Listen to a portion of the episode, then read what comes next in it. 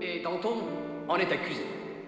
Mais si vous accusez Danton, citoyen, Danton qui a servi cette République mieux que quiconque parmi nous, alors je vous dis que vous devez m'accuser, moi aussi. Take the remaining seconds of my speaking time uh, to say to the Leader of the Opposition, I think the best course for him is to reflect on the standards he's exhibited in public taught you to hate the texture of your hair?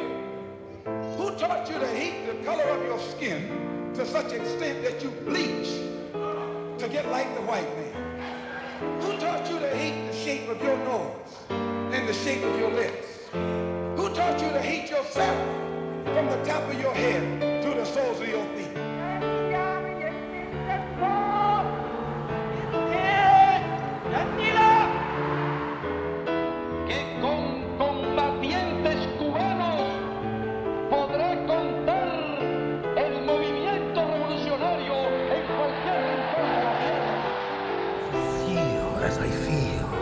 And if you would seek as I seek, then I ask you to stand beside me one year from tonight, outside the gates of Parliament, and together we shall give them a 5th of November that shall never, ever be forgotten.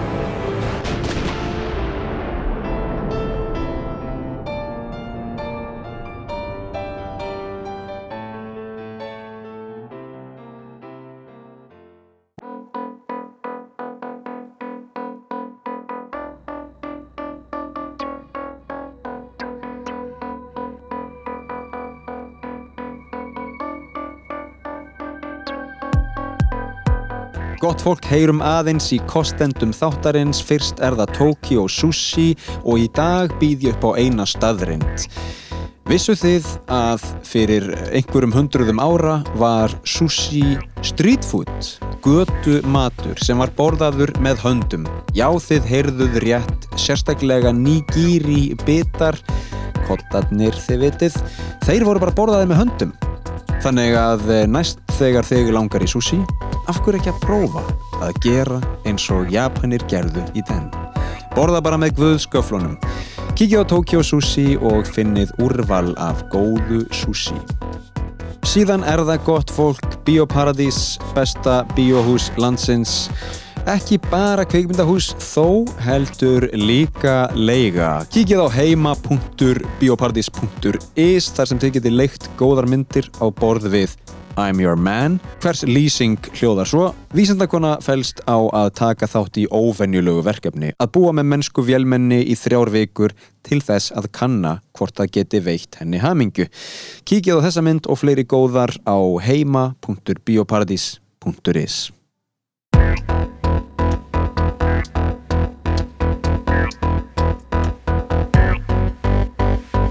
Gott fólk, við erum velkomin í þátt nummer 40 af hlaðvarpinu Heimsendir. Hingað er komin góður gestur Ragnar Bragarsson. Vertu velkomin. Takk fyrir Stefán. Hvað segir þú gott? Ég er bara nokkuð kátur, það er svo fallegt veðri í dag. Er einlega tilfinningin því ég vaknaði morgun væri eins og væri komið sumar. Það ekki? Jú, Ég held það sko. Það er 9. mæ. já, Uh, reyndar í fréttum er hérna uh, kannski aðeins annað um, einhver dagur í Rúslandi og annað slíkt en við kannski fókuserum ekkit á það nei, nei, nei, hvað dagur er í Úslandi? það er uh, dagurinn sem Rúsland sigraði nazista í uh, Já, þeir hérna, einmitt. Putin alltaf alltaf einhverja ræðu og menn voru að búast við að þeir eru stríðsifilýsing en Já. það varð ekki. Nei, þetta, það var bara, þetta var algjört anti-climax, hef ég heyrt sko Hann er kannski verið í sjokki, sko, hann á von á við? Það sá ég í fréttunum á hann á svona einhverja ástkonur Já. þú veist, eitthvað svona eina sem hann hefði sendt, sko, ég veit ekki hvað hvort hann er margar eða bara þessa einu hefði sendt hana til Sviss í svona eitthvað seklút hérna, húsnæði Já, en svo komum fréttunum morgun hún var líklega hérna, uh, með batni og maðurinn er sjötugur sko. Jesus maður. Ég meina, kannski er það bara það sem að veist, stoppar hann sko. sem bjargar þessu? Þessi gæti bergað þessu hann hugsa væri- bara, ah, nú þarf ég að fara að sinna uppeldi og eitthvað, skilur við, getum ekki verið með stríð ég get ekki verið að standa í einhverju stríð á sama tíma og ég er alveg bara mikið væri það nú gott. Ég veit ekki, hann á örgulega fullt af börnum þessi já. kall fullt af börnum, fullt af húsum fullt af snekkjum. Það var nú verið að gera eina upptæka í, á Ítalju og svo fannst mér þetta svolítið gott. Ég las líka í dag að hérna, ég held að sé Evrópusambandi sem er að pælja að gera gjaldeirisforða Rússlands upptækan og eyrnamerkjan fyrir uppbyggingu í Úkrænu vel gert. Það væri svolítið gott. Já. taka þetta með valdi.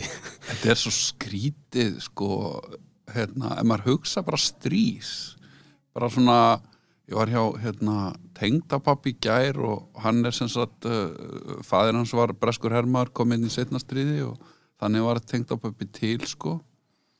Og hérna og, og, og ég var að fara í gegnum svona gömul gogn hérna, hann rétti mér einhver svona möppu með einhverjum svona pappirum. Og þar voru svona, svona bæklingar frá hernum sko, sem sagt svona bæklingar sem var dreift meðal hermanna og dreift svo til ættingja heima um svona lífið líf hermanna á Íslandi. Sem sagt, hvernig aðbúnaður er maður, hvað er að dunda sér og svona. Og hérna maður pældi í sko upplýsingagjöf eða sem sagt flæði upplýsinga.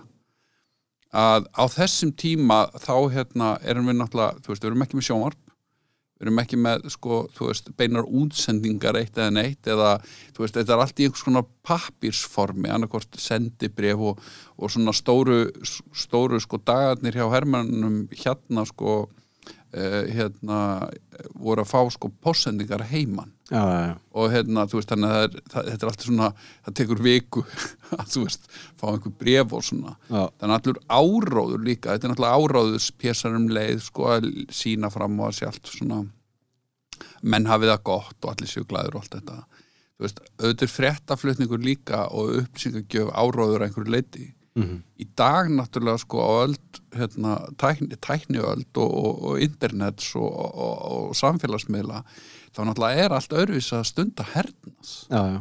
og, og hérna maður sér það bara Selinski sko, þú veist hvernig hann nýtir sér fjölmiðla, tæknina þú veist Putin er eins og svona relik hann er eins og svona eins og svona fulltrúi gamla tímanstaldið sko, hann er svona KGB eitthvað þar sem að hlutir voru í, í mors, morskeita stílingurum sko, Já, en þetta er pínu áhugavert að fylgjast með þessu sko í þessum, náttúrulega þessum hörmungum sem að dynja það nefir sko. Já, frá okkar sko bæjardyrum séð um, ég hugsa og þau séu nú nokkuð góð að hérna, beita áróður í heima fyrir. Já, um, bæði í sjónvarpi og annar staðar sko. Mhm, en þetta er líka áhugavert með þú veist, fyrir hluta 20. aldar hvernig sko hvernig fólk átti í rökræðum út frá, þú veist, eins, eins og svona ef þú færið eitthvað brefsendingu og það er eitthvað frétta einhver frétta pjessi mhm, sem er kannski svona með áróðurs ívafi og hérna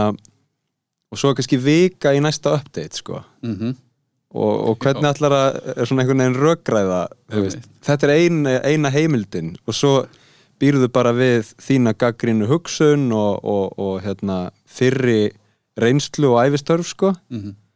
á meðan núna myndi maður alltaf fara beint á Google og reyna að finna aðra hlið og veist, og grafa svo bara einhverja hólu og vera komin bara sjö greinar eh, greinum neðar sko. Mhm, já, þannig að, að hérna, það er svona kannski kostur og gallar við bæði sko. já, einmitt, einmitt. En um, sko, jú sem ættum að byrja bara á almennum nóðum Mhm, ég er alltaf með hérna eina spurningu í blábyrjun. Mhm, sem snýra að því hvað fólk var að gera fyrir tíu árum. Það er 2012 2012 sko uh, þarna 2011 og 12 þá er ég að gera sjónvarserju sem heitir Heimsendir.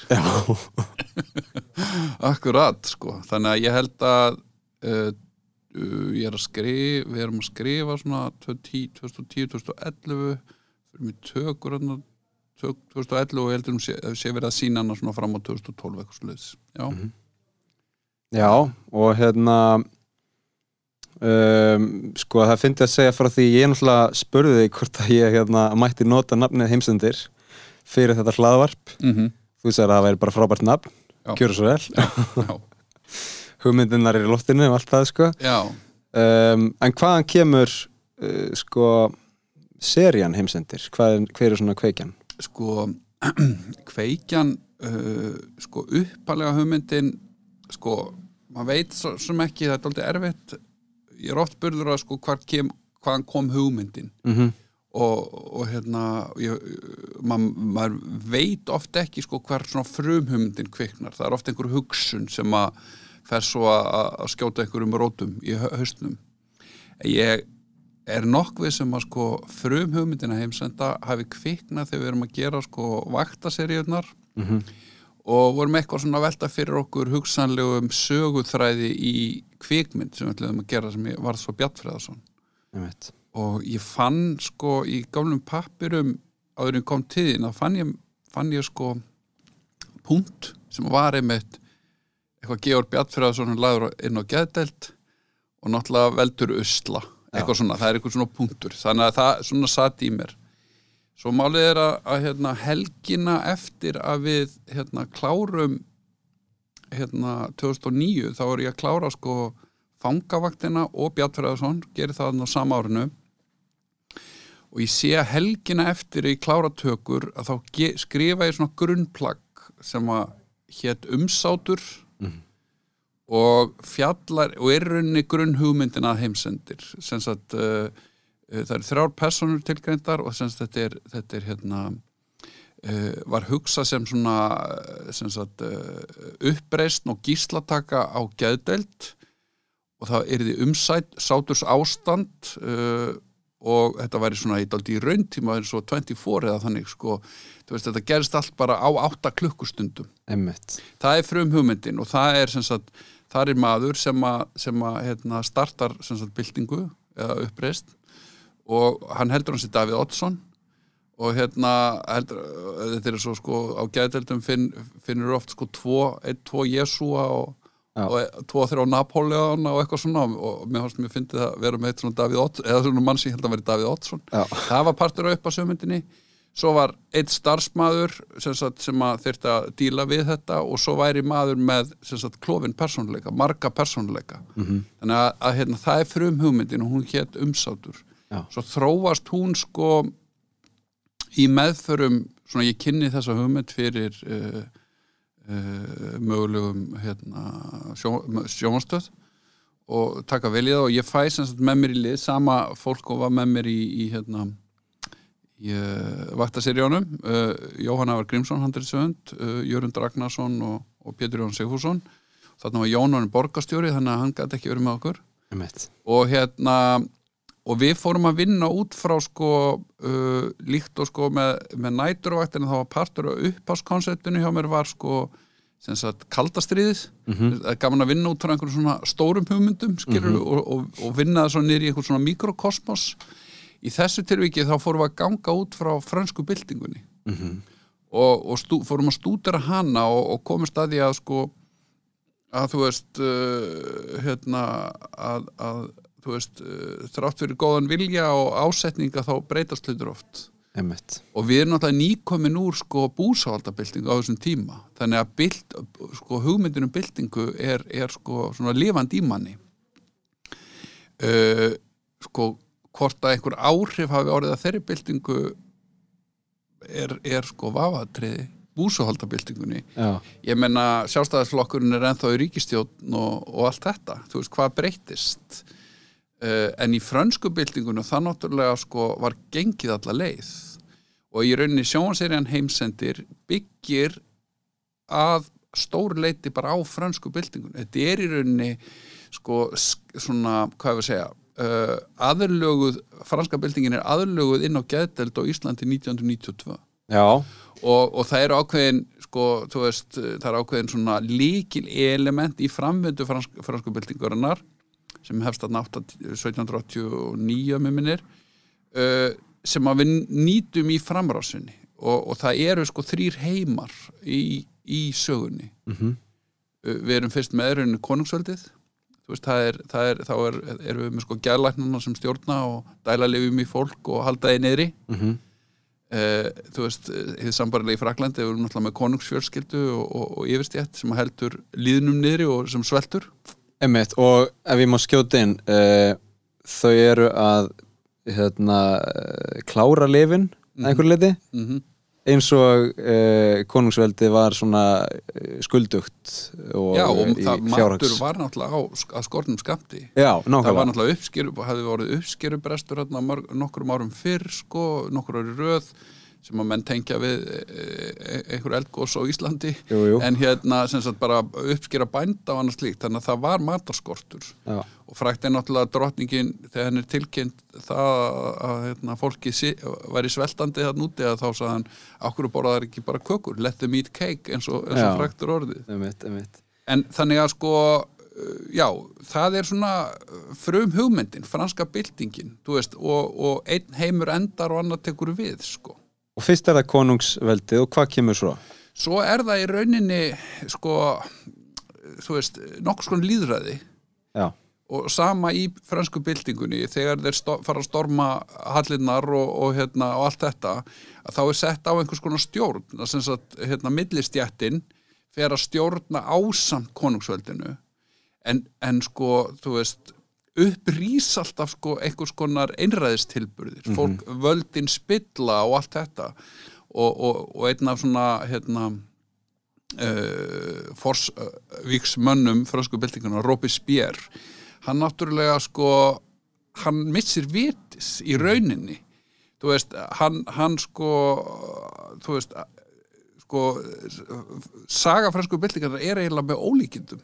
Að því það er búið að reysa eitthvað svona þú veist, við byrjum menn eitthvað svona í baráttuhug, skilur að leiðir þetta ránglæti, en það endar að þeir eru búin að basically búa til eitthvað svona sértrúasöfnuð, eitthvað svona the, the cult of supreme being þar sem að Róbi spér stígur upp á eitthvað pappamassa fjall í einhverjum kubli og hann er búin að breyta sko dagatalinu, þú veist, þetta er bara orðið eitthvað svona, eitthvað sturglun og endanum náttúrulega er, er sko hann drepinn uh, hérna, hann reynir að drepa sig fyrst og svo hann hérna, tekinn að lífi. Og allir er henni sko eins og Marat sem að uh, er svona kannski, þú veist, var kannski svona vitin í, í byltingunni, skilur, hann var svona maður sem skrifaði greinarnar og, og, og þú veist, var pennin. Hann, hann er drepinn líka af, af konservativ eh, hlutanum, skilur þú veist, þetta verður svona veist, þannig að við förum úr, úr konungsveldi yfir í einhvers konar líðræði í andatak og svo verður hann bara, bara reign of terror eða einræði, skilur það sem að bara the heads roll, skilur það bara gapastokkurinn er sett upp eða þú veist, hérna högstokkurinn á, og, og svo bara flæðir blóðum um götur Parísar og höfuð konungsfjölskyldun að rúlla og, og allra sem setti sig upp á móti sko. já, já, já. og svo endanum náttúrulega rístor order eða sem sagt jafnvæg kemst á heiminn skiluru og, og hérna konungsveldi hefur liðum til lok skiluru þannig að það má alveg segja að, að hérna vakka líðræðis að einhverju leiti, þú veist, ég menna svona veist, það, það gerist eitthvað í framhaldi, það verður til nýr veruleiki í Evrópu í kjölfara franskubildingarinnar Já, það eru hugmyndirnar sem, sem koma lifa, þar fram, þær lifa áfram og, og fáninn er náttúrulega búin til. Já. þú veist, í aðdraðandanum þegar, þegar svona baróttan er að hefjast sko, áður þeir hérna fara yfirum að þá náttúrulega búa til franska fánan Mhm. hérna, ég man nú ekki hérna, bræðralag frelsi jafnrétti eða hvað það nú er. Já. hérna, rauður, hvítur, blár. Og, hérna, og það eru þessi þrjú stig í heimsendir sko, sjómaseríunni hún er sko uppið strúktúrin sko drama, hinn dramaturgiski strúktúr. Þetta eru nýju þættir. Og, og hérna uh, 35-40 myndur hver þáttur og hann skiptist í sko þessi þrjú stig byltingar og hefur þessi þrjá liti í rauninni franska fánans. Þannig að sko fyrir, fyrir því þjálfaða grafíska auga eða ef að hönnur horfir á það með, með svona með, hérna, með skilningavitin opinn átt hann sjá því sko við byrjum á, á, á hvítu og fyrir svo í bláun og endum á rauðum sko, veist, það er svona litapallettan í, í list, henni listarennu stjórn sko, í búningum og ljósi og leikmynd og alls konar hlutum maður tekur eftir því sko og, og bara líka í um, andrumsloftinu og, og hérna fagurfræðin í kringum líka það að þetta sé 92 sko Mhm. uh, er það eitthvað, hvaðan kemur það? það kemur í rauninni að því að uppalega sko frum hugmyndin er bara nútíma hugmynd en þegar ég fór að skoða sko, eða við fórum að skoða bara geð heilbriðismál á Íslandi og, og hérna, náttúrulega ekki bara á Íslandi en og annar staðar og töluðum við alls konar fólk lækna og fólk sem hefur starfað í geð heilbriðis keiranum og hérðin hérna hérðin uh, Unnsteins. Unnsteins var okkur mjög mikið innan handar að þá náttúrulega hefur sko svona þótt að hafi ekki nógu mikið breyst að þá náttúrulega voru hérna áður fyrr verið að sko að hlekja fólk skilur ekki bara með livjum heldur líka bara að binda það niður annars líkt skilur sem að þú veist uh, hérna kleppi áður fyrr sko Mhm. og, og hérna og í rauninni þegar, þegar lifin verða betri og þarf ekki lengur að binda fólk niður skilur að lifin eru í rauninni fjötratnir sko Mhm. Og okkur fann sko, þú veist, til að væri ekki eitthvað svona samanbörður við nútíman hvernig hlutnir væru í dag og eitthvað svona, þá, þú veist uh, vildu við frekar staðsetja þetta á einhverju tíma þar sem að sko voru mjög miklir misbrestir eða þú veist, brestirnir voru meiri í kerfinu og eins og Arnarholt sem að er upptökustæðurinn okkar, Arnarholt upp á Kjallanissi Mhm. Sem er gömul stopnun og, og hafði staðið lengi þegar við hérna, komum hann á og, hún, og, og fengum eh, afnót af í tökur. Að þetta var náttúrulega sko svona gemslustaður fyrir fólk með alls konar raskanir og bara þú veist eh, svona bara hvað við segja, geimslustaður sem fólk var bara hérna lokað inni, skilur við, þú veist svona haldaði frá okkur hinnum sem heilbrið erum, skilur við, já. svona loka vandamannlóti inni af, á afveiknum stað Einmitt. þannig að sko hérna uh, sko Jóngnar mitt, uh, talandi um það hann hafði unnið uh, á Arnarholti sem ungu maður sko og, mm og, og, og sagt okkur það, það er svona satt í manni skilur þú hefur sagt margar sögur og það er alveg personur í uh, heimsendir sem að eru svona dram, dramatíst unnar upp úr sem sögum sem hann sagði sko, um, um, eins og maðurinn sem bað alltaf um sígarettu stu- einu sem hann sagði áttu Einmitt. já, og sigleikur í seríunni. Þannig að hérna, það er nú ástæðan fyrir þetta var dagsett 92 En með karakterina mm þú veist um, þetta er svona ákveð samansapn af mjög litríkum karakterum. Um, er sko er hver og einn leikari að, að fá svolítið frjálsar hendur? Já. eða, já, það er náttúrulega mist mikið hvernig fólk uh, tekur, tekur sko þann bolta. Mm við erum náttúrulega búin að búa til grindina og skrifa söguna og svona uh, senur. Uh, svo, svo fer ég að ráða leikara í hlutverkin og hérna og, og eins og ég vinna þá sko, þú veist, tekur við eitthvað svona ferli af vinnu leikstjórans með, með hverjum og einum leikara. Þú veist, að svona búa til meira hold á þær personur sem, að, sem að fyrir eru eða hugmyndinu sem fyrir eru. Og svo förum við í svona spuna uh, tímabila sem við tökum kannski einhverjar viku, tværa sem ég er að spinna með leikurunum sko í rauninni senur Mhm. og, og hérna, sem dæmi uh, þá fekk ég sko Karl Ágúst Úlsson til að leika svona st- stórt aukalhutverk Mhm. hann leikur mann sem heitir Karl Magnús og, og hérna og Karl Ágúst er náttúrulega höfundur sjálfur, uh, leikari og höfundur, frábær höfundur og hann fór alveg á flug með sin, sinn karakter og skrifaði alveg sko elaborate baksugur á og svona heimspeki personar Mhm. og hérna, þú veist, bara æfisögans og svona, þú veist, hvaðan ránkumundin að koma og hver er svona fílosófían í ránkumundunum og svo framvegis. Þetta er svona starffræði, þú veist, eh, starffræði baserað, sko, og, og hérna, hann er alltaf að reyna að finna, þú veist, eh, hérna, eh, gullna snið og allt þetta, sko, mm Píþagórasreglan og þetta. Og Kalli fór alveg að flug með þetta og, og það er mjög, það er ekkert mjög mikið af því kannski sem kemur fram í seríunni en það er allt í leikaranum sko.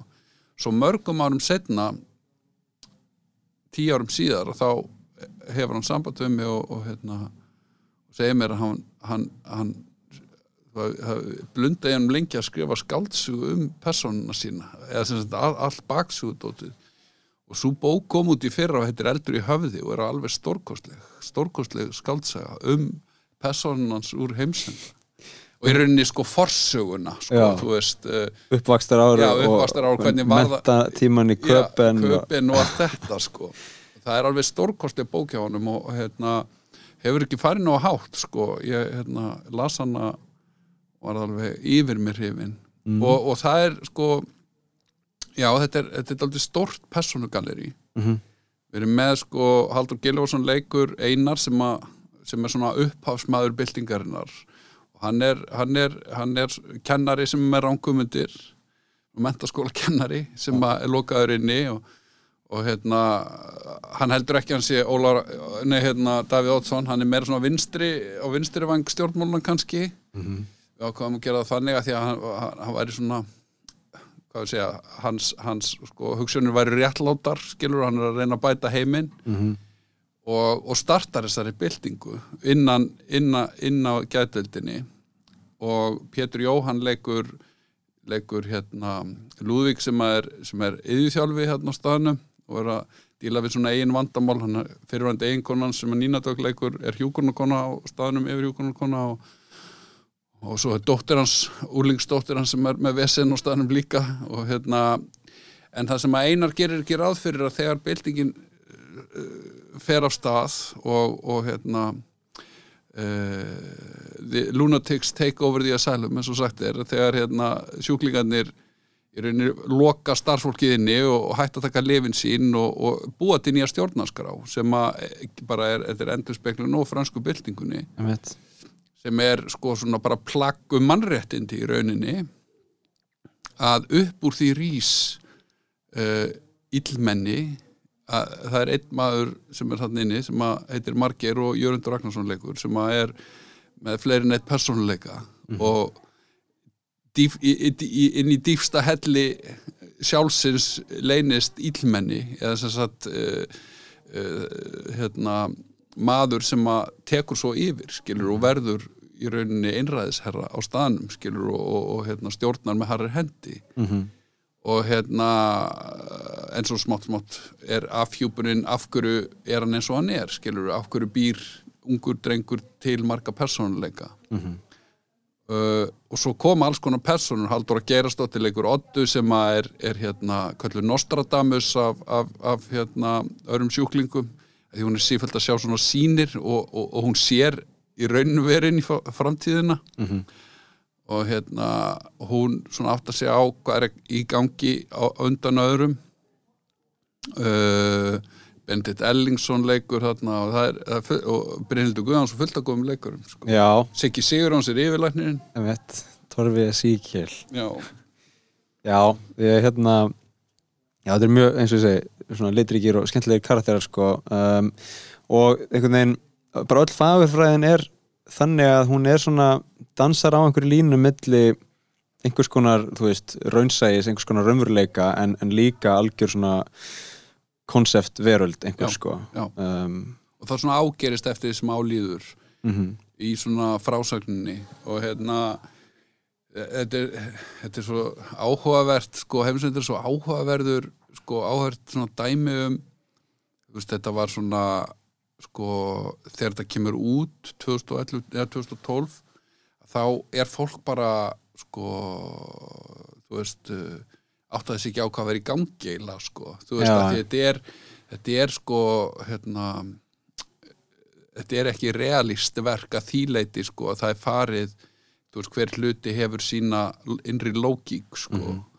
Og fólk bjóst kannski við að við varum að fara að gera næturvaktina þrjú eða eitthvað, þetta var eitthvað grín í grín og þetta var ímislegt fyndið en, en uh, grunnfósindar var daldið að skoða bara geheilbreyðismál sko Já. og hérna og afleiðingar hérna, ofbeldis og annað slíkt skilur og kúnar í kerfinu og allt þetta einmitt Já, og það var svolítið skemmtilegt að sjá líka karakterin hans Péturs eh, Lúðvík Mhm. Iðju þjálfi sem er svona kemur inn með mjög jákvæða orku mjög bjart sitt mjög hérna svona opinn og, og bara til í að um, hlusta og, og vera með fólki og, og hérna hlusta á það og sjá það og, og jafnvel skiluru uh, þegar fólk er sko ég kannski með einhverja ránkumundir eða, eða um, sér eitthvað öðruvísi en,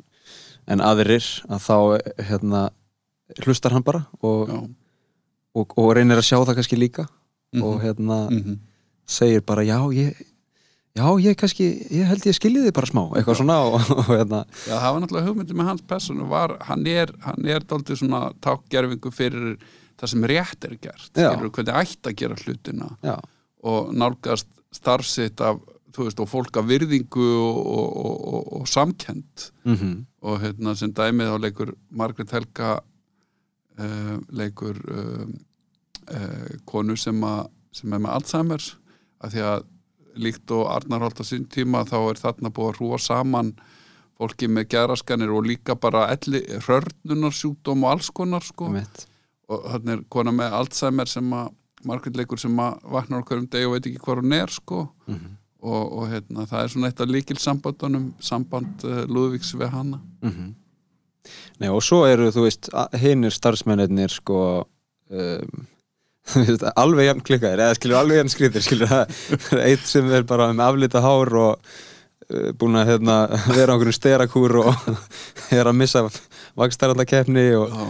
svo er annar sem gleipir öll lif sem, sem hann sér. Já, það er eitt svona þarna sem að Halli Melló leikur sko og hérna og, og það má það má ekki á milli sjá sko hver er hver er bilaðari sko hérna starfsfólki eða vistmenninir sko? Nei, nei, nei. Og, og það er líka þetta svona frum lína sko uh, sem að hérðin kom með hérðin Unsteins þegar ég hitt hann fyrst var sko þú veist, geðsjúkdómar eru náttúrulega sko mat á geðsjúkdóm þetta er náttúrulega huglagt mat á huglægu ástandi. Einmitt.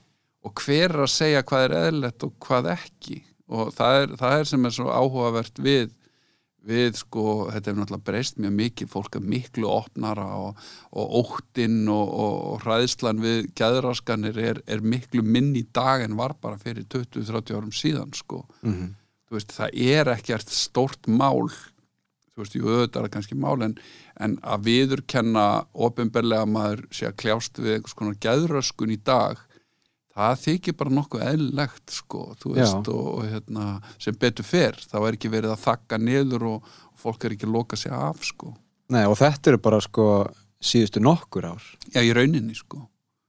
Bara breyst mjög mikið á til til að skömm tíma og, og, og hérðin á mjög mikla þakkir skildar og ég menna uh, það var náttúrulega hann skrifaði Vert Úlfur og uh, í kjölfarið þarna og, og hérna og þú veist, svo sýning slæ- slæri gegn í þjóðleikúsinu og, og þú veist, hann er náttúrulega búin að svona berjast ötulega fyrir bara réttendu fólk, sko, þú veist, inn í, inn í þessum geira, sko.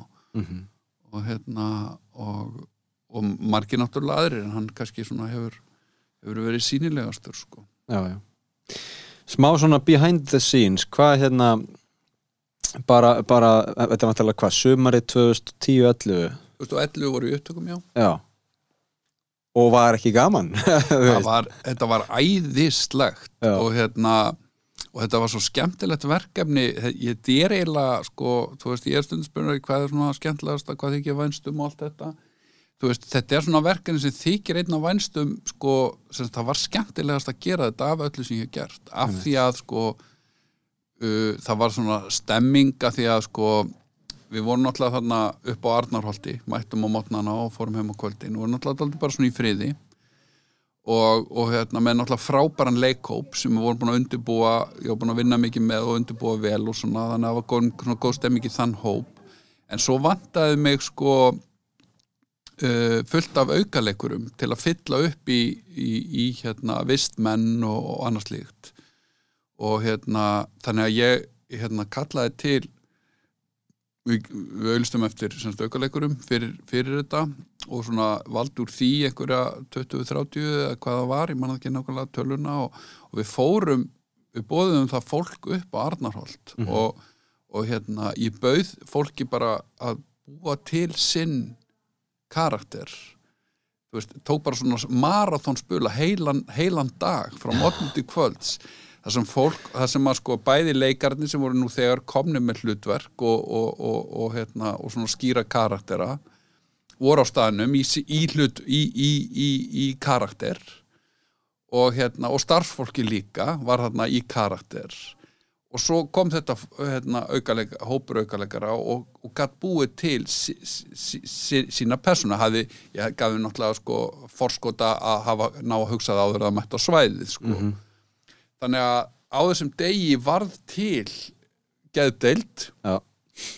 og maður sá bara, þú veist, vá, þessi þetta er áhugavert, þetta er áhugavert. Og upp úr því var til ykkur svona kjarni af aukaleikurum sem var kannski 15 manns eða eitthvað svo leiðis sem að, sem að og þetta varð svona daldið svona fjölskyldustemming. Og sá hópur heldur ennþá hópin það er alveg magna, þau eru ennþá sko þau eru ennþá sko hittast reglulega og, og þú veist og svona, þú veist það, það, sko hópeflið sem var þarna þú veist, hjælt áfram og er ennþá til staða 10-12 árum síðar sko, sem er mjög skemmtilegt. Já. Það er fjölskyldan. Já, Já, gaman maður. Ok, þetta er sko 2011-12 þá væri í raun næsta spurning hvað varst að gera fyrir 5 árum? Það er 2017 já. Þá er ég að gera aðra sjónvarsirju ekki, ekkert svo ólíkt sko þessu sem að ég er að lýsa. Uh, 2017 gerum við gerum við hérna sjónvarsirju sem heitir Fangar. Mm -hmm. og það ger ég með hérna, Nínudog Filipsdóttur sem var náttúrulega með mér í heimsenda. Uh, og unnör sem eru svona hérna, forvíksmenn fa- fanga, þetta er þeirra hugmynd sem sagt að að, að hérna, fjalla um, um hérna, veruleika kvenna, sem sagt í kvennafangir sinni Kópói og hafðu gert mikla rannsóknarvinnu og, og hérna og svo bætist uh, Jóhanna Grímsson bætist í hópin á einhverju tíðanbili sem handritsöfundur og Ma- Margrét Örnársdóttir og endanum skrifa ég og Margrét út handritið eftir hugmyndum hópsins. Og hérna og þar gerist þetta í rauninni líka sko að þar er ég með svona staðbundna sjónvarsserju ekki á geðdelt, þetta er í fangelsi í þessu tilviki fang, hérna, hvernafangelsinu í Kópói og, og þar gerðum við aftur þetta það var, það var mjög skemmtilegt. Það sem, var, það, það sem gerði okkur erfiðara fyrir sko í föngum gerði kannski svona ákveðin minna skemmtilegt var að, að sko húsnaði hvernafangelsins var náttúrulega ofbáslega lítið og þröngt og erfitt og er náttúrulega húsnaði sem var ekkert byggt sem fangelsi heldur bara, þetta er eitthvað hús sem var breytt í fangelsi. Og hérna, og þar er mitt sko uh, byggum við líka til svona vettvang þar sem við tókum svona marathonspuna sem var starfsfólk og, og, og hérna fangar hérna fundu sig inn í rýmunu skilur sem er mjög skemmtilegt. Og hérna já, þetta er svona þetta er svo, já, ég geri, sko, hafði ekki gert seríu hérna í milli, sko, þetta er fangar er næsta seríu eftir heimsenda, já. Já. Það eru 5 ára milli. Já, svo líða önnur 5 ár. Það voru 2022 Já. það er í dag. Það er í dag. Já, það er hérna, það er nú, nú maður komin í sko hérna hluti sem eru óordnir sko en ég er, ég er að undirbúa sjónvarsýrju mm sem að hérna gerist uh, á sta- staðbundið með ögn minna persónugalleri Ok. það, er, það er fókusin á aðeins tvær mannskjur og, og fjallar um sem sagt uh, þetta er sagum hjónaband tíu þáttaserja uh, hérna og fjallar um sem sagt eldri hjón sem að vegna vegna svona heilsufass ástæðana þurfa að flytja í þjónustýpuð fyrir aldra mm. og uh, það setur svona hjónabandið á skrítin stað sko. þetta, er, þetta er svona ljúfsár komedja sem, að, sem ég skrifaði með Jóni Gnar Mhm. og Edda Björgvins var með okkur svona aðeins í ferlinu og, og þau munu leika hjónin Felix og Klöru. Já, mjög gott Sko, hérna í gegnum öll þessi skrif og serjur og, og allt uh, hvernig finnst þér sko andin í samfélaginu hafa breyst? Mhm. þú veist, eins og til dæmis 2012 versus 2017 eða 18 Já, bara svona hver, hversu, hversu vitt ræðum við það sko, ertu að meina svona bara svona stemminguna, þú veist hvernig samfélag byggjum við? Í raun kannski bara móttökurnar skilur af því að hérna, að þú ert að en, þú ert að spegla Já. byltingu rétt eftir byltingu mm 2011-12 -hmm. og uh, svo ertu 2017 að, að hérna segja sögu sem kannski hefur ekki mikið verið sögð. Nei, sem er svona þögg, saga þöggunar sko. Já, mm og það er kannski uh, líka uh, í einhverju flútti við hérna svona op, smá opnun á einhverja umræði í samfélaginu Já, um- algjörlega, ég meina það það spratt alveg talsverð umræða veist, í kjálfærið af föngum um mitt bara, þú veist, aðbúin og fanga og, og þú veist hérna ég veit ekki, mér finnst áhugavert að fjallum hluti sem að þú veist veist, af hverju ætti maður að fjallum hluti sem eru einhvern veginn upp á borðinu og augljósir Mhm. uh, þú veist, maður er alltaf sko að reyna veist, það er pínu svona hjákátlegt kannski að segja það svona berum orðum en maður er náttúrulega alltaf að reyna að bæta samfélagssitt á einhvern hátt með verkum sínum veist, og, og, og hérna þótt að sé ekki nema að maður ná að breyta lífi einnarar mannsku þá er, er tilgangnum náð sko, að sem sagt að benda á eitthvað sem misferst eða, eða hérna eða einhvers konar óréttlæti sem þarf að ré, leiðrétta skilur eða, eða þú veist, ég menna í sko, í föngum erum við að fjalla um kynbundið ofbeldi og, og hérna aðbúin að fanga. Og þú veist, og kynbundið ofbeldi gagvart konum. Og, og hérna það var náttúrulega eitthvað sem var svona aðeins að byrja í umræðin og hefur náttúrulega sprungið út í, í kjölfarið, ég menna síðustu fimm ár eftir fanga hafa dálítið mikið verið hef, hefur þetta verið svona, hvað við segja, svona uh, þú veist, efst í fréttamilunum oft skilur þú veist, kynbundið ofbeldi og, og þöggun og hérna uh, sko, maður er alltaf eitthvað að reyna, þú veist, að, að hérna benda á eitthvað og segja, herðu, hérna er pottur brotinn, hérna er eitthvað sem þurfum að tala um. Uh, stundum texta og stundum ekki. Í, í tilviki sko, hérna, fanga þá tókst það mjög vel þá meinaði, þú veist, fangar skilur hérna náðu til stór hóps og, og þú veist, og vakti mikið, mikið umtal og aðtikli og svona, meðan heimsendir á sín tíma sko af, af ýmsum ástæðum, þú veist, kannski var það á skrítið fyrir fólk uh, fólk bjóst við einhverju öðru uh, þannig að þú veist, það var sko áhverðahópunum var aldrei mjög stór.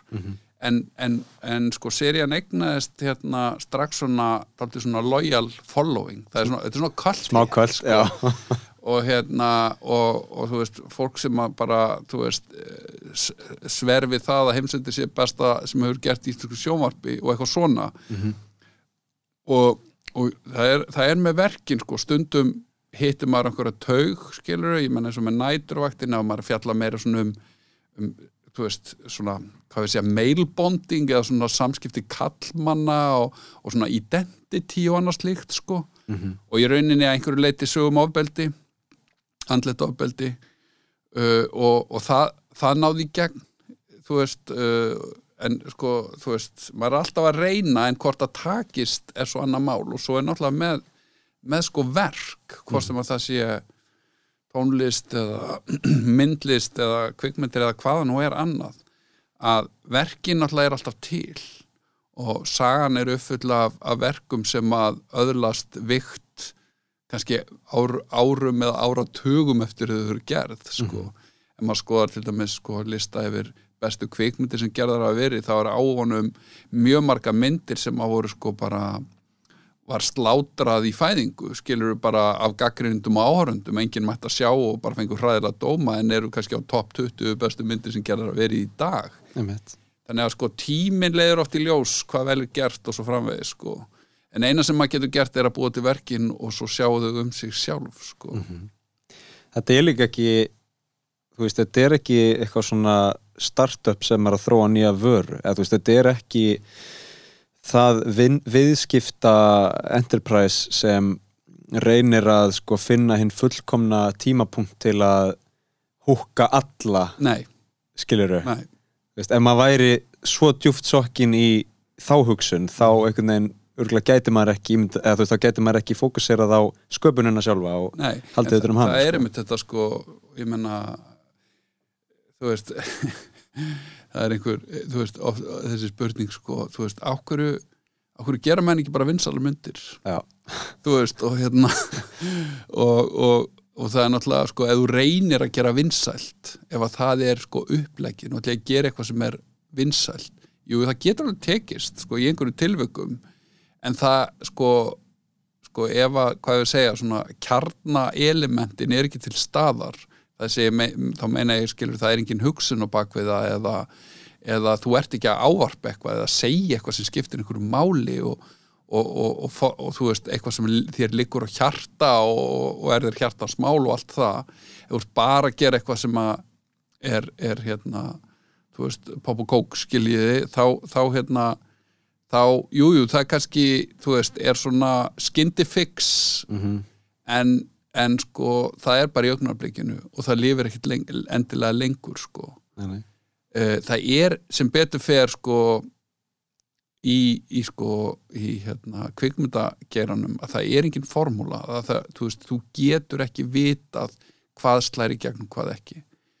Og, og hérna og ef að þú sífælt skilur, þú veist, maður þú gerir Indiana Jones 1 og svo gerir Indiana Jones 2 og svona og búin að byggja upp einhvern hóp sko, þannig að þú ert nokkuð svona safe með tölurnar, en það vissi enginn að fyrsta Indiana Jones yrði vinsæl, skilur, þú getur byggt á, á vinsældum uh, en, en sko frumsköpunin, hún er alltaf gerð, þú veist þú veist ekki, eða þú veist þú, það er alltaf einhver óvissa.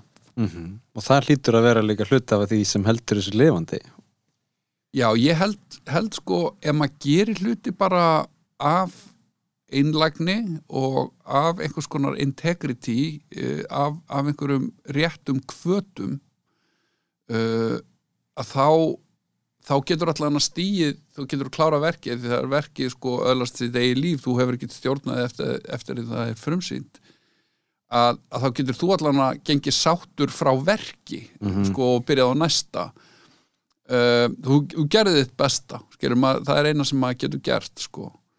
uh, þannig að, að hérna uh, það er ákveðin svona uh, þú veist það er svona að, þú veist, við tölum oft um sko, svona alþjóðlega kveikmyndagerð sem er oft sprottin meira af, af hérna svona hvað við segja, mannlegri kvötum þú veist, ekki, ekki gróða von eða heldur meira þú ert, ert ávarpað að segja eitthvað, þú veist meðan hinum megin, hérna vestan megin við okkur í, í Hollywood að það sem meira svona maskína sem er að reyna að, að endurtaka eitthvað success og svona.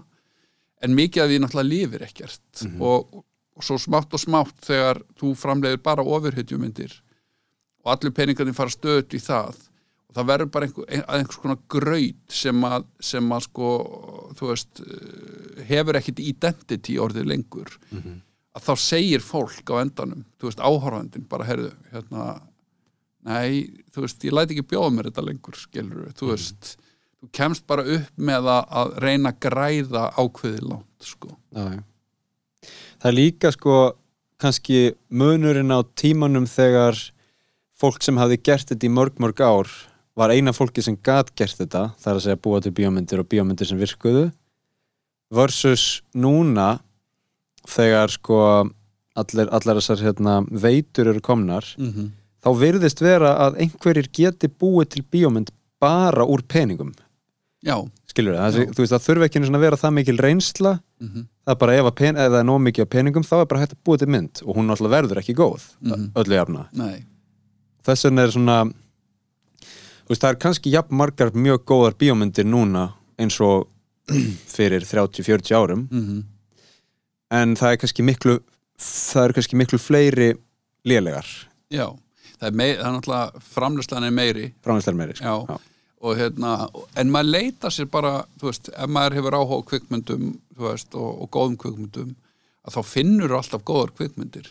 Þú veist, þú bara verður að, að, svona, að, leita meira kannski. Og svona kannski á þessari öld þú veist, þegar sko hefur orðið hnignun í amerískri kvikmyndagerð veist, amerísk kvikmyndagerð var sko átti mjög gott tímabil svona alveg úr ní- 90s fram, framundir aldamót, það var bara rosa gott tímabil. En eftir það og svona, þú veist, fer eitthvað svona fjara undan og, og, og þú veist, aðrir fara bara að taka við, í rauninni gæðin færast bara í heiminum, ég menn, þú veist uh, þú veist, ég til dæmis sem, sem kvikmynda áhuga maður horfi mjög mikið á kvikmyndir að minnstakosti svona ein á dag, cirka að þú veist, ég leita miklu meira þú veist, og hef svo sem alltaf gert þú veist, leita, þú veist, út um allan heim en, en þú veist, áherslan hjá mér hefur kannski verið meira asísk kvikmyndagerð svona allan á síðustu tíu árum sko, jafnvel 20 að þú veist, það sem gerist er að, að hérna að þú veist, það, það verður til einhvers konar yðnaður í Kóreu, þú veist, og Japan líka og, og, og þú veist, og, og, mjög mörgum löndum í Asíu það sem að, það sem að sko, veist, verður til eitthvað nýtt og hérna, maður finnur alltaf góða kvikmynd ef maður leitar að henni, sko. Já, ég held líka að það sé ákveðin tókstreita í því að annars vegar er mjög auðvelt að nálgast efni.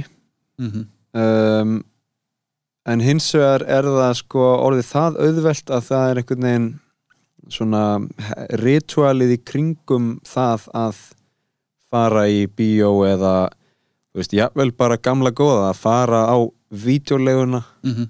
og kannski spjalla við fólk þú veist, spurja ég fíla svona sko, með að svona sci-fi skemmtilegt er eitthvað nýtt sko, Mhm, þú veist, og, og fá myndina í hendurnar og fara með hana heim og setja henni í tæki og allt þetta. Mhm.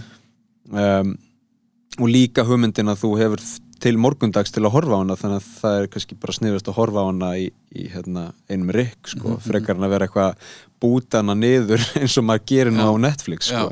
En þetta er á, mjög áhugavert sko, þú veist eh, ef við hugsaum um sko hvað eins og kvikmynda húsið sjálft eða þú veist, eh, tölum bara um það þú veist, ég meina kvikmynda húsið er sko ekki bara staður það sem kvikmynd er sín hún hefur miklu starra hún hefur miklu starra vægi. Hún hefur sko sagt, samfélagslegt vægi sko, veist, það sem að fólk kemur saman og upplifir eitthvað í saminningu þú veist, uh, menn hafa talað um hana sem, sem sko, þú veist, að hún hafi tekið við af kirkjunni skilur á síðustöld þegar veist, hérna verður svona a, a, þú veist hvað að sko, þú veist, það var bara það sem að fólk gerði sitt í skemmtunar að fara í kvikmyndahús uh, sko, þú veist, í rauninni má færa rauk fyrir að kvikmyndin hafi verið í sig sem hæst svona á, á, á, á sko þriðja og fjóraða áratug síðustu aldar skilur þar sem allir fór í bara, þú veist, í hver einstu viku í kvikmyndahús.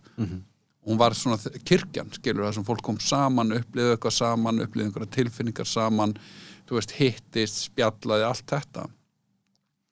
En, en sko svo, svo hérna, verður þróin svo að að kvikmyndahúsin hætti að vera svona fallegar byggingar með svona flottu, þú veist, flottri miðasölu og andiri og, allt þetta og breytist í svona uh, hérna svona hérna kringlu bíó eða svona þú veist bíó í, í hérna verslunamiðstöðu með mörgum sölum og svona Já, skiptir við út fyrir svart plast. Já, það verður svona, þú veist, þetta er svona kom, þú veist, kommersial hlutin þú veist, eðlega það er verið að reyna þú veist, alls konar hagræðing alls konar hlutir og smátt og smátt þá verður þetta svo karakterlaust, skilur, maður fer í mörg bíó ónefnd, skilur sem bara, maður kemur inn í andir eða, eða salgætisölu og þetta er bara þetta er bara eins og skilur þú veist, eitthvað, e- e- eitthvað bústerminal einhver staðar, skilur, þú veist, það, er ekkert líf. Svo hérna þú veist, við það byggum við og svo kemur, svo hérna opn, opnum við Bíóparadís 2010 sem er með hug, hug, hugmyndina um sem sagt að sína öðruvísi myndir. Mm -hmm. bjóða upp á annað viðmót skilur, vera með aðra stemmingu meira þessa svona orginal stemmingu, þar sem að það er einhvers konar félagsleg hérna gjörð að fara í kvikmyndahús og já. setjast niður og fá sér kannski rauðinsglas og eftir og ræða myndina hvað það nú er sko. Mhm. og svo sér maður þetta í öðrum hérna uh, bíó aðsótt dregst saman í heiminum, búin að gera það alveg bara svona statt og stöðut og gera það enn en uppsprettaði með þessi kvikmyndahús eins og Bíóparadís út um allan heim í öllum borgum sífelt meira og meira þú veist, borgir sem að ég hef heimsótt veist, uh, í áratugi allt í hennu er komin 2-3 arthouse-bíó og hérna sem er að bjóða upp á þessa upplifun. Og, og hérna, og það er allt kvikmyndur sem ganga vel. Og ég menna Bíó Paradís geng, hefur aldrei gengið eins vel og í dag. Meðan sko bíóða svo dregst saman þá eikst hún í Bíó Paradís. Og það segir mann eitthvað. Sama með eins og tónlistar ef við tölum um tónlistar innan um tækni. Að þú veist, þú ert með, með sko hljómplötuna, vínilplötuna sem að er sko þú veist, dálítið eins og að fara í bíó. Þú, þú ert, þú, eða á vídeolegun að ná í spólun eða eitthvað, þetta er svona fysikal þú heldur á þessu. Það, þetta er myndrænt, það, er, það eru myndir það er texti þetta er sko, þú veist, það er ákveðið svona ritual að opna taka sko plötuna úr umslægi draga hann úr, úr nærbuksonum skilur leggja hann á fónin, nálina og allt þetta. Og svo bara, þú veist verður sko, ke- kemur geisladiskur og hún drepur plötuna svo kemur MP3 og, og drepur geisladiskinn. Og hvað gerist? Fólk áttar sig á því að, að sko hagræðingin og tæknin er búin að taka frá okkur eitthvað sem að okkur þykir væntum -hmm. og þú veist í dag getur þú bara að hlusta á þessa plötu og bara kveikir á Spotify og hún er komin, skilur þú veist, og hún mallar einhvern veginn. En það, þú ert ekki meðneitt í höndunum. Þú ert ekki með sko í rauninni, veist, þetta er bara svona mallandi í bakurinn, í stæðan fyrir að þú hlustar á plötu þá er það meira sko augnablik og það er stund sem þú átt. Já, já. og þess vegna allt í hennu ríkur fyrir ég, ég get nú ekki, ég ætla ekki að vera með nákvæm ár en upp úr 2010 þá smátt smátt fyrir að aukast hljómplötusal aftur, þú veist, á vínilformi. Og er svo, nú eru plötubúður út um allt, allt í hennu aftur. Menn í Reykjavík er bara 6-7 hljómplötuverslanir Einmitt. sem selja vínilplötur þú veist, ef, ef einhverjum fyrir 20 árum hefur verið sagt að það, þetta myndi gerast að fólk myndi bara hlæja. En þetta snýr að hinn mannlega, segi ég skilur þú veist, sem að er uh, að þú eigir svona meaningful eða svona merkingabæra merkingabært samband við listformin, skilur og listamennina. Og hérna, þetta sé ekki bara einhver síbilja og eitthvað svona, þú veist, verið að, hérna, að henda þér inn og út úr einhverjum hérna, karakterlausum hérna, kvikmyndahúsum eða Netflix eða hvað það er. Og svo sér maður eins og í dag, þú veist Netflix er að spá því að í næsta mánuði missið er miljón uh, áskrifundur fyrir að sko Netflix er að verða sko fyrsta streymisveitan sem fer á hausinn. Já, já, það er bara stefnir allt í það. Hver hefði spáð því fyrir tveimur árum að sem hver einasta, hvert einasta mannspann skilur var að borga áskrift eða þú veist hver einasta fjölskylda áskrift af Netflix. Og, og Netflix náttúrulega bara útvatnast þú veist, þeir, þetta er alveg með góðum vilja og ásetningurinn er réttur. Þú veist að gera eitthvað gott og, og þú veist fá fyrir það pening skilur en að bjóða fólki okkur áhugavert. En, en þú veist allir sem eru með Netflix vita það að 99% af efnin á Netflix er bara drast það er bara drast, það er bara eitthvað sko að það er svo að drekka sábúkulu vatn skilur, þú veist, þetta er bara uh, hérna, orðið úrkynjað að einhverju leiti, svona hugmyndafræðilega úrkynjað. Já, ég sko, það er margt í þessu. Uh, ég held fyrst að hérna, af því að það er svo ótrúlega mikið af uh, já, bara léluhefni og þá einhvern veginn er maður svona orðin svolítið hrættur við það sko. Þú veist, í, í kannski fyrir tíma EMDB og, og hérna allt það sko, þá horfði maður bara á eitthvað og myndaði sér svo sína eigin skoðun á því. mm og, og kannski var það mjög gott og kannski var það ekki mjög gott og þá var það líka allt í lagi bara. -hmm. en núna ef ég myndi horfa mynd skiluru og vera hálnaður með hana og sjá síðan allt í hérna hún sé með 2,7 engun þú veist, þá fæ maður eitthvað svona ó, ég er að, er eyða tíma hérna Já. sem er náttúrulega bara rugl, sko, þú getur bara að upplifa alls konar Já, við að horfa alls konar. Já, og það er líka sko, þú veist, ef, ef maður ætlar að taka taka þennan slaga, ætlar bara að horfa gott já, það, það er alveg losing fight sko, að því að, að, því að sko, sko hérna, smekkur manna er misjafn. Mm. og það sem einum fyrst frábært fyrst öðrum lélegt.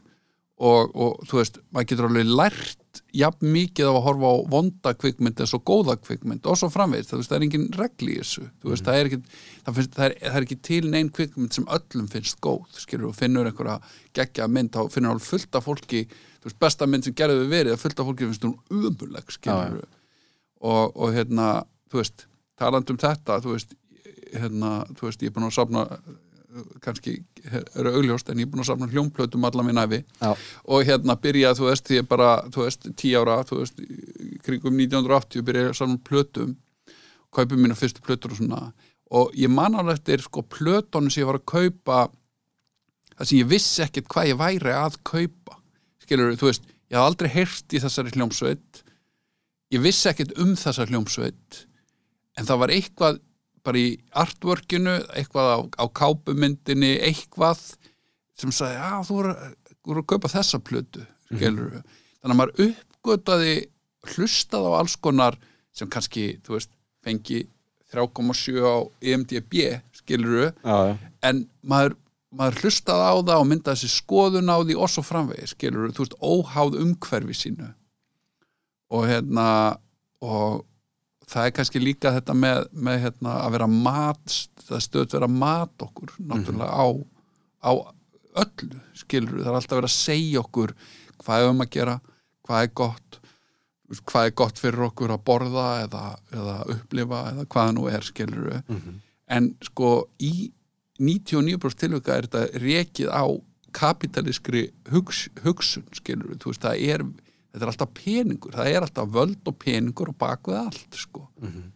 og, og hérna þú veist, þrátt fyrir að við höfum allar þessar upplýsingar, allt þetta aðgengi að öllu í dag sama hvað það er að, að þá þýður það ekki að við séum mendilega betur sett að mörgu leiti þú veist, að kraðakið verður svo mikið að, að það kannski svona þú sér ekki skógin fyrir tránum sko. Mm Já, algjörlega og ég upplifaði líka bara svona e, bara í svona fysisku rúmi sko, það er að segja uh, það að hlusta Spotify þá einhvern veginn þú veist, þá er ég með sjálfum mér en ég er líka einhvern veginn með annan fótinn út í Svíþjóð þar sem höfustöðarnar eru Mhm. og þú veist, maður er bara svona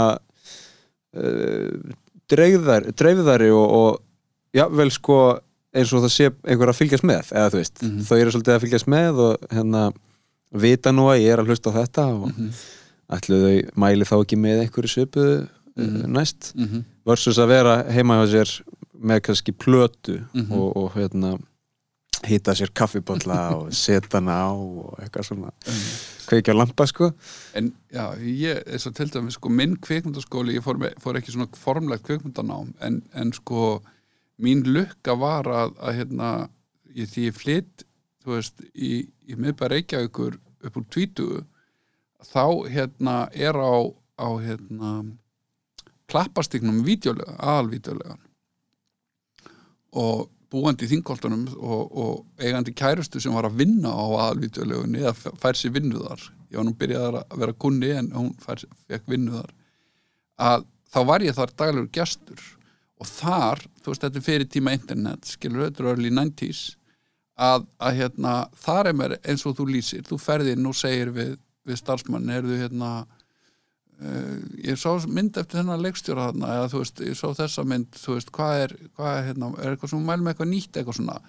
Og sko 90% af myndunum sem ég fórum með heim, þú veist, ég yfirleitt fór með eina, tvær myndir heim, þú veist, og þurfti ekki að borga því að kærastum mér var að vinna þarna og svo tók hún bara mynd, ég kom bara rétt fyrir lokun og svo hún tók myndina með sér í vinnunum daginn eftir. Já, já, uh, og þá hérna og hafi reynir á alveg videoleginu þakkir fyrir það. Og að hérna að þá 90%, 90 af því sem maður horfði á var eitthvað sem maður, maður vissi ekkert um skilur, maður hafði ekki lesið dóma maður vissi ekki, þú veist, bara eitthvað Tetsu og The Iron Man eða, eða whatever, skilur, eitthvað obskjúr, arti japanst horrorstöf eða, eða þú veist eh, Peter Jackson, ég manna eftir að hafa séð þú veist, fyrstu Peter Jackson myndirnar skilur, Bad Taste og allt þetta þú veist, löngaðurinn að þú veist, einhverju vissi hvað það, hann var, þetta var bara funky cover á einhverju vaffóðspólu bara hæru þetta er eitthvað spes, maður að tjekka þessu Mhm. þannig að sko hérna, ef ég hefði bara farið inn með útprentaðan lista yfir bestu myndir sem gerðar á verið, þá hef ég ekkert lært eins mikið. Nei, ég hefði ekki upplifað eins mikið og, hefði, og sko mín kannski mentun hefði orðið einsleiknari sko. já, ég, ég tengi og maður var líka í sko já, báðum háskólanum sem ég hef farið í þá var maður hérna, stóð sjálfan sig að því að vera eitthvað kvartað undan einhverjum kúrs, einhverjum námskeiði. Og þá hérna þurfti maður að læra það sama að, að þú græðir alveg mikið á því að, að vera í námskeið þar sem allt gengur 100% upp og þú tengir 100% við allt sem kennarinn segir. Mhm. eins og þegar þú þarft aðeins að vinna fyrir hlutunum og reyna að finna veist, tengingarnar, já þetta er eitthvað sem ég fíla, já, já, já, já veist, og, og læra að vinna með um, efni sem er aðeins óaðgengilegra Mhm. það er bara lærdómur Mhm. um, Já, þetta er, þetta er hérna þetta er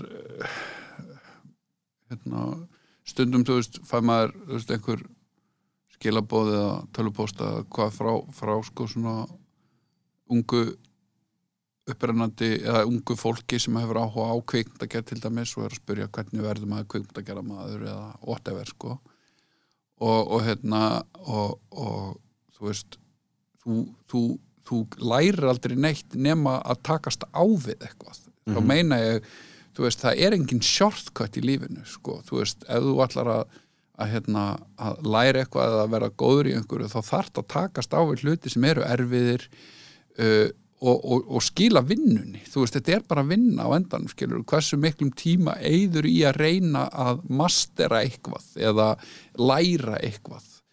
Og hérna það er eitthvað svona tilneying, þú veist, nú hljóma ég eins og gammalmenni, en mér finnst tilneying hjá sko yngra fólki í dag, ekki, nú er ég ekki alhafið um allt ungt fólk, en, en þú veist, þetta er svona tilfinningi sem ég fæ að, að þú veist, fólk sé að leita að stuttuleiðinni til að verða eitthvað eða ná einhvers konar árangri. Og hún er ekki til. Það er engin stutt leiðin einstæðar og hérna þú veist, einföldun þú veist, uh, þú veist þetta er hérna klassísk klísja en þú veist að tala um bítlana skilur sem að þú veist, 1-10.000 klukkustundum þú veist, við að æfa sig og spila tónleikum í Hamburg og urðu, urðu bítlanir aður eru vinsalir mm -hmm. 10.000 klukkutífum af live performances og stöffi sko.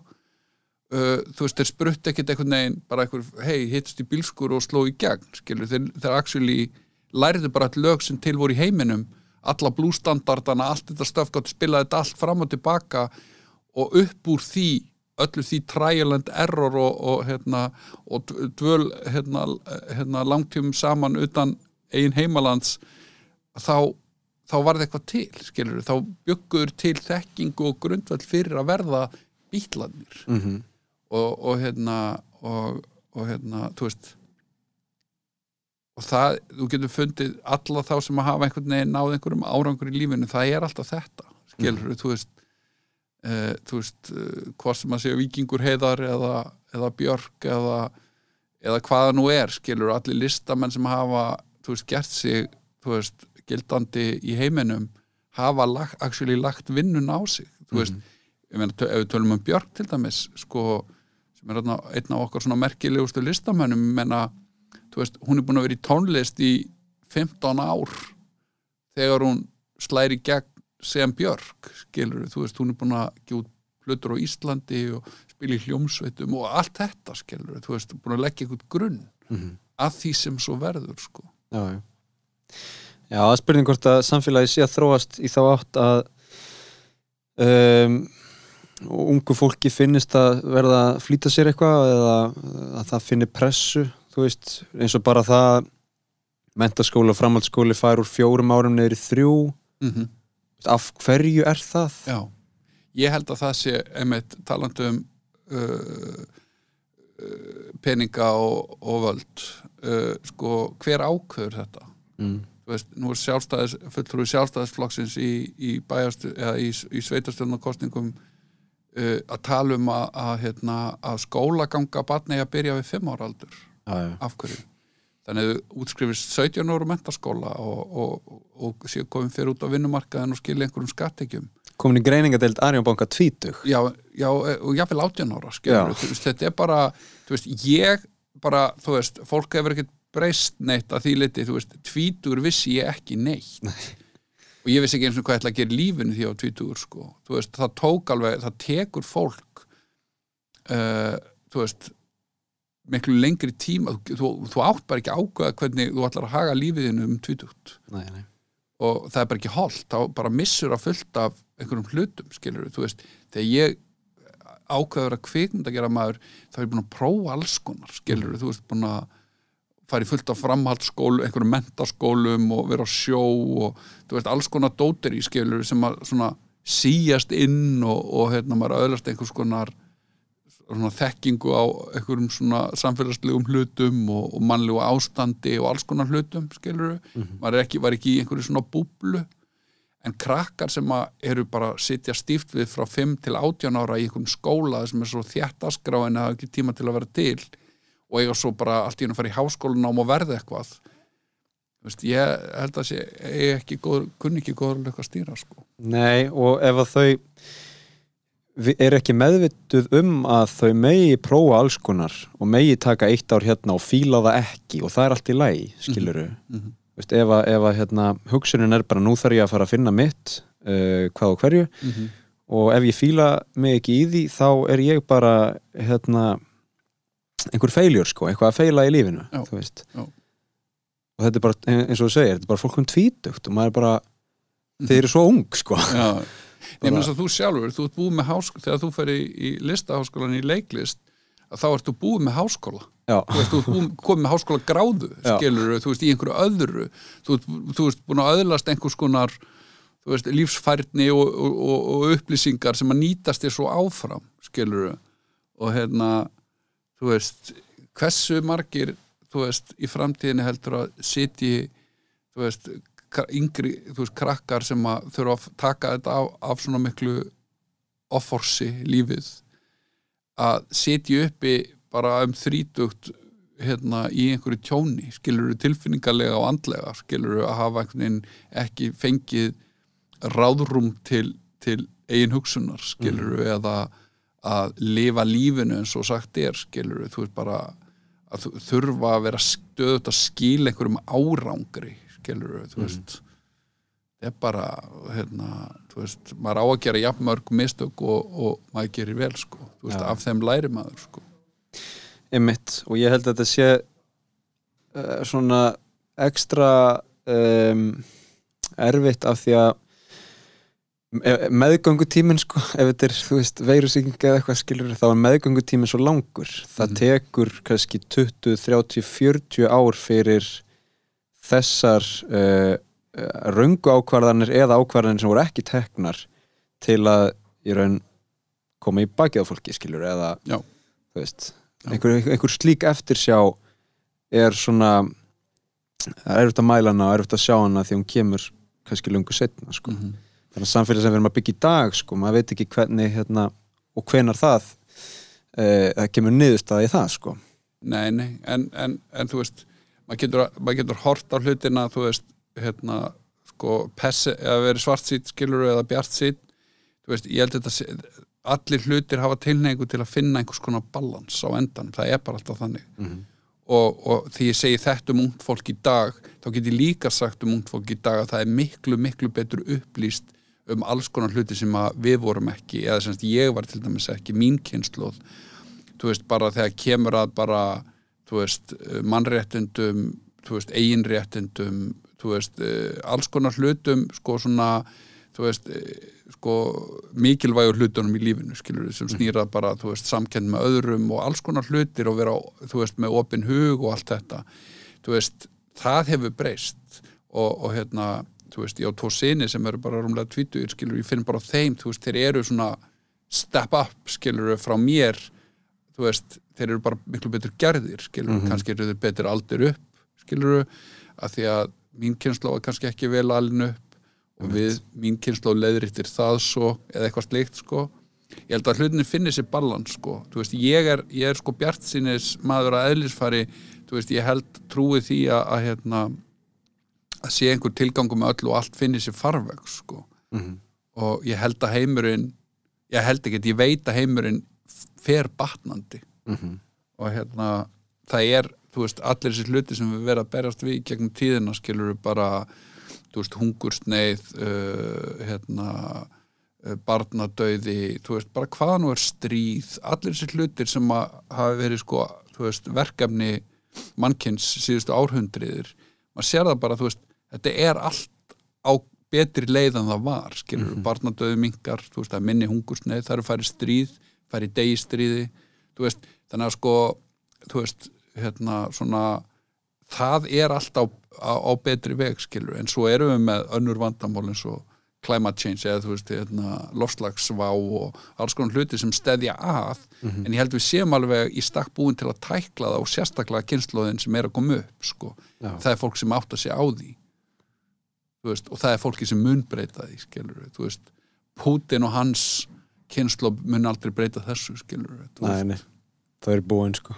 Þetta eru, þetta eru sko risaðelunar sem að enn, enn eru við líði skilur og svona er í döðategjunum en, en þráast við sko. Já, já, fótfestan er að mólna undan þeim sko, hægt og rólega. Já, ég er alveg sammáli, ég er hérna uh, líka bjartsinnis maður og, og gerir ráð fyrir því sko að ég geti verið með hlaðvarp sem heitir heimsendir þar sem við uh, skoðum svona í málefni, bæði heims, sko, bæði sko heimsenda sem eru mjög ólíkleir þú veist uh, loftsteinar og hérna uppvakninga, veirusíkingar og eitthvað svona. En líka bara það sem er að gerast þú veist, hvort sem það er stríð eða, eða hérna fordómar eða hvað er. Og á einhverjum svona bjart sínis grunni getur maður skoða þessi mál Mhm. að því ef maður væri ekki, maður væri ekki bjart sín þá held ég að, að hérna, ég gæti ekki verið svona mikið að pæli þú veist hæ, hættu við tækni þróun eða Mhm.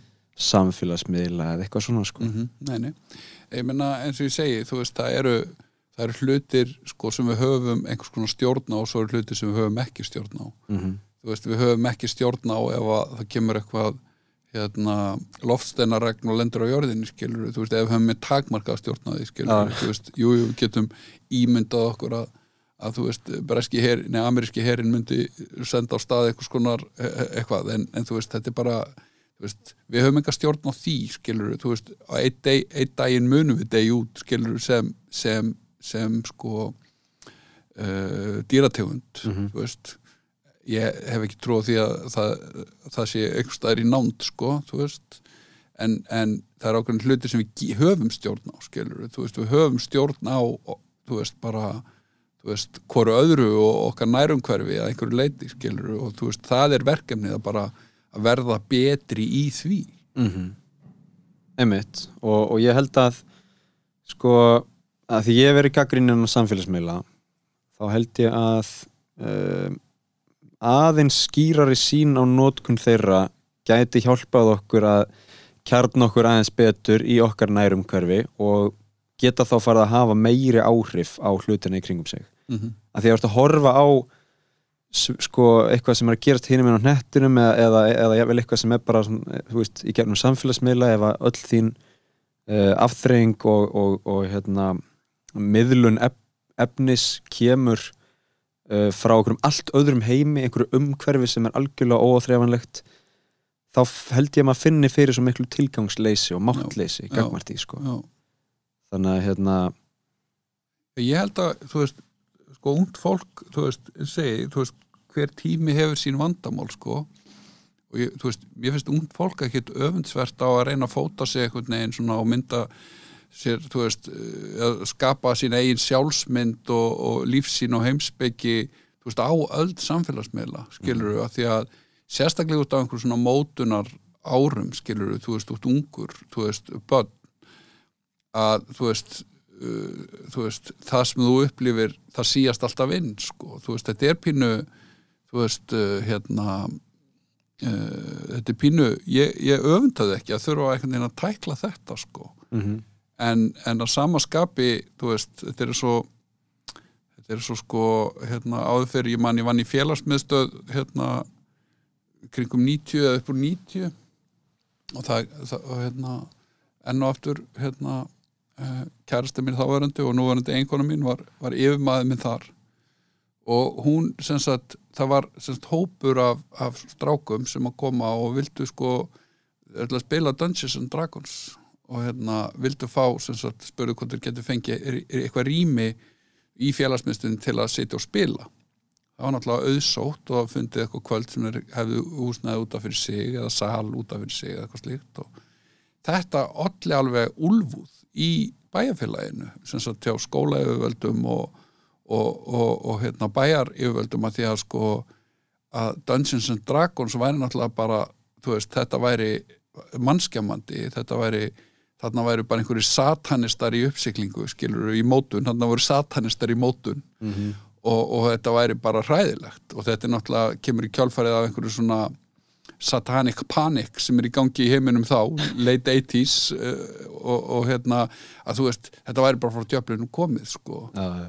og, og hérna, þú veist, allt er þetta menn sem að svo, hérna, í dag vinna við eitthvað skapandi eða, þú veist, eru handritsöfundar eða eitthvað skemmtilegt eða kvimdagerða menn eða, þú veist, og eru, eru eh, gegnir og góðir þjóðfélagstegnar, skilur þú veist, en þetta var við með þá, þá bara, þú veist, uh, roleplaying var bara eitthvað hi- hi- þess Já. skilur Lucifers Lucifers og þessu bara tölvuleikir þú veist þetta svona börnin hanga í tölvun og spila Playstation skilur út í það óendalega jú, jú, það er alveg hægt að spila þú veist, pissa í kókflöskur og spila Playstation í 48 tíma og svo sofa og svona, það er vandamál sko.